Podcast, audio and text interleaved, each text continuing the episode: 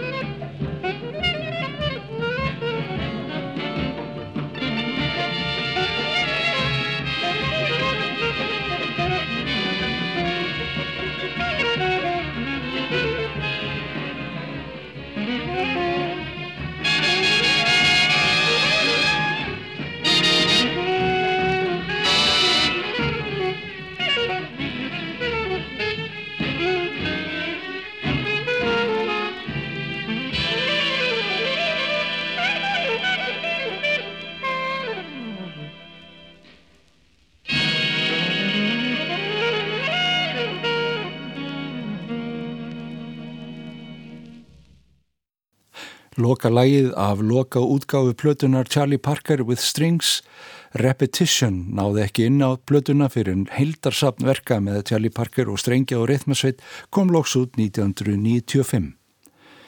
Þá voru liðin 40 ár frá dauða þessa meistara saxofónsins en hann var fættur 1920 og hefði því orðið 100 ára í ár og það eru fleiri hundrakallar jazzins með Parker á þessari hljóðrutun frá 1947, saxofón og klarinettuleikarin John Laporta og trommarinn Shelly Mann. Við höfum eftir að heyra meira um þá alla í hátölurum ársins. Og kynsluðaskipti eru óumflíjanleg og reyndar eftirsoknaverði í tónlist eins og öðrum greinum. Charlie Parker naut ekki lengi við og það sama má segja um John Coltrane Næsti blásari var barnað aldri þegar Parker lést 1955 og rétt um tvítugt þegar Coltrane yfirgaf þessa jörð. Jan Garbarek fættist 1947 og þegar hann tók upp sína fyrstu plötu hjá SEM fyrir rétt um 50 árum var hann sjálfur á kafi í blásaratakni þeirra sem leituðu út fyrir tónsvið hljóðfærisins, manna á borð við Albert Eiler og Erik Dolphy. Við skulum heyra titilag plötunar Afrik Pepperbird. Oh.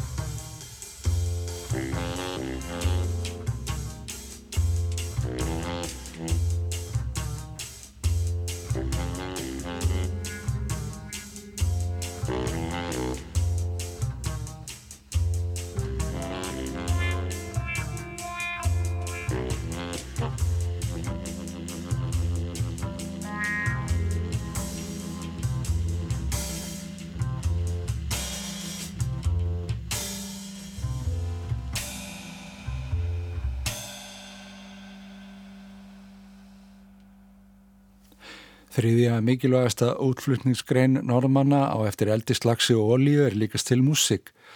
Það er að segja í krónumtalið. Afrik Pepperbird með Jan Garbarek, Aril Andersen, Jón Kristensen og Terje Rípdal kom út 1970 og var fyrsta af óteljandi plötum Garbareks fyrir ECM fyrirtækið. Gaman að heyra henn leitandi ungar saxofónleikar að fara út fyrir endamörk hljóðfærisins og greipa til bassasaxofónsins þegar að tenorinn dögði ekki til. Ólíkt ferskari vindur úr þessum lúðrum en þeirri niður svonu liftutónli sem Garbarek hættir til að detta yfir í þessa dagana.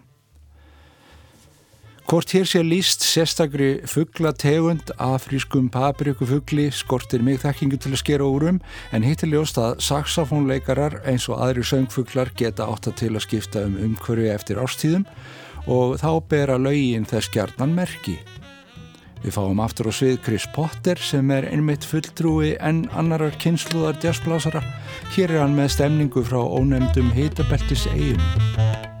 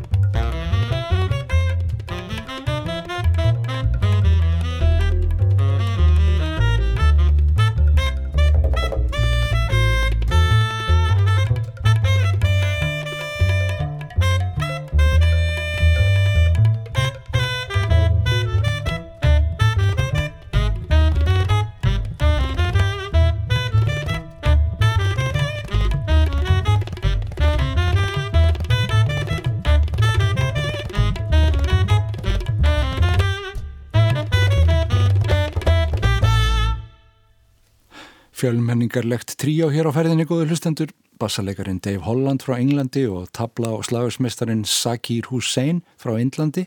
Með saxofónleikarunum Chris Potter sem ólst upp í Suðuríkjum bandaríkjana en hefur eins og hinnir tveir gert heiminn allan að sínum starfsvettvangi. Potter fættist á nýjástag fyrir 49 árum og er því rétt um það byrj miðaldra Það má segja að hann sé af fjóruðu kynnslóð jazzleikara en tengslans við fyrir tíma eru umtalsverð meðal annars vegna þess að hann starfaði um tíma með Red Rodney sem deildi gjarnan sviðinu með Tjali Parker og flerum sem ólust upp í dagur tónlist jazzins og upplifið á eigin skinni breytingarnar sem urðu þegar músikin varðað tónlikatónlist frekar en dansmúsik. Það má segja að bassalegarin Dave Holland sé heilli kynsluð eldri, fættur 1946 og var auðvitað á vettvangi mikill að breytinga í tónlisti kringu 1970. Hann hefur aldrei áfram að leiða hljómsveitir á öllum aldri upp á og niður af tónleikasviðum jazzins af annáluðu æðruleysi þess sem hefur einfallega að leiðaljósi að spila eins vel og hann getur fyrir áherindur sína. Þetta eina bóður sem aldrei fellur úr gildi. Og fyrst við erum að tala um kynsluður saxafónleikara er ekki úr vegi að smetla á fónin lægi með fulltrúan írar kynsluðar íslenskra saxafónleikara. Sölvi Kolbensson er eitt þeirra.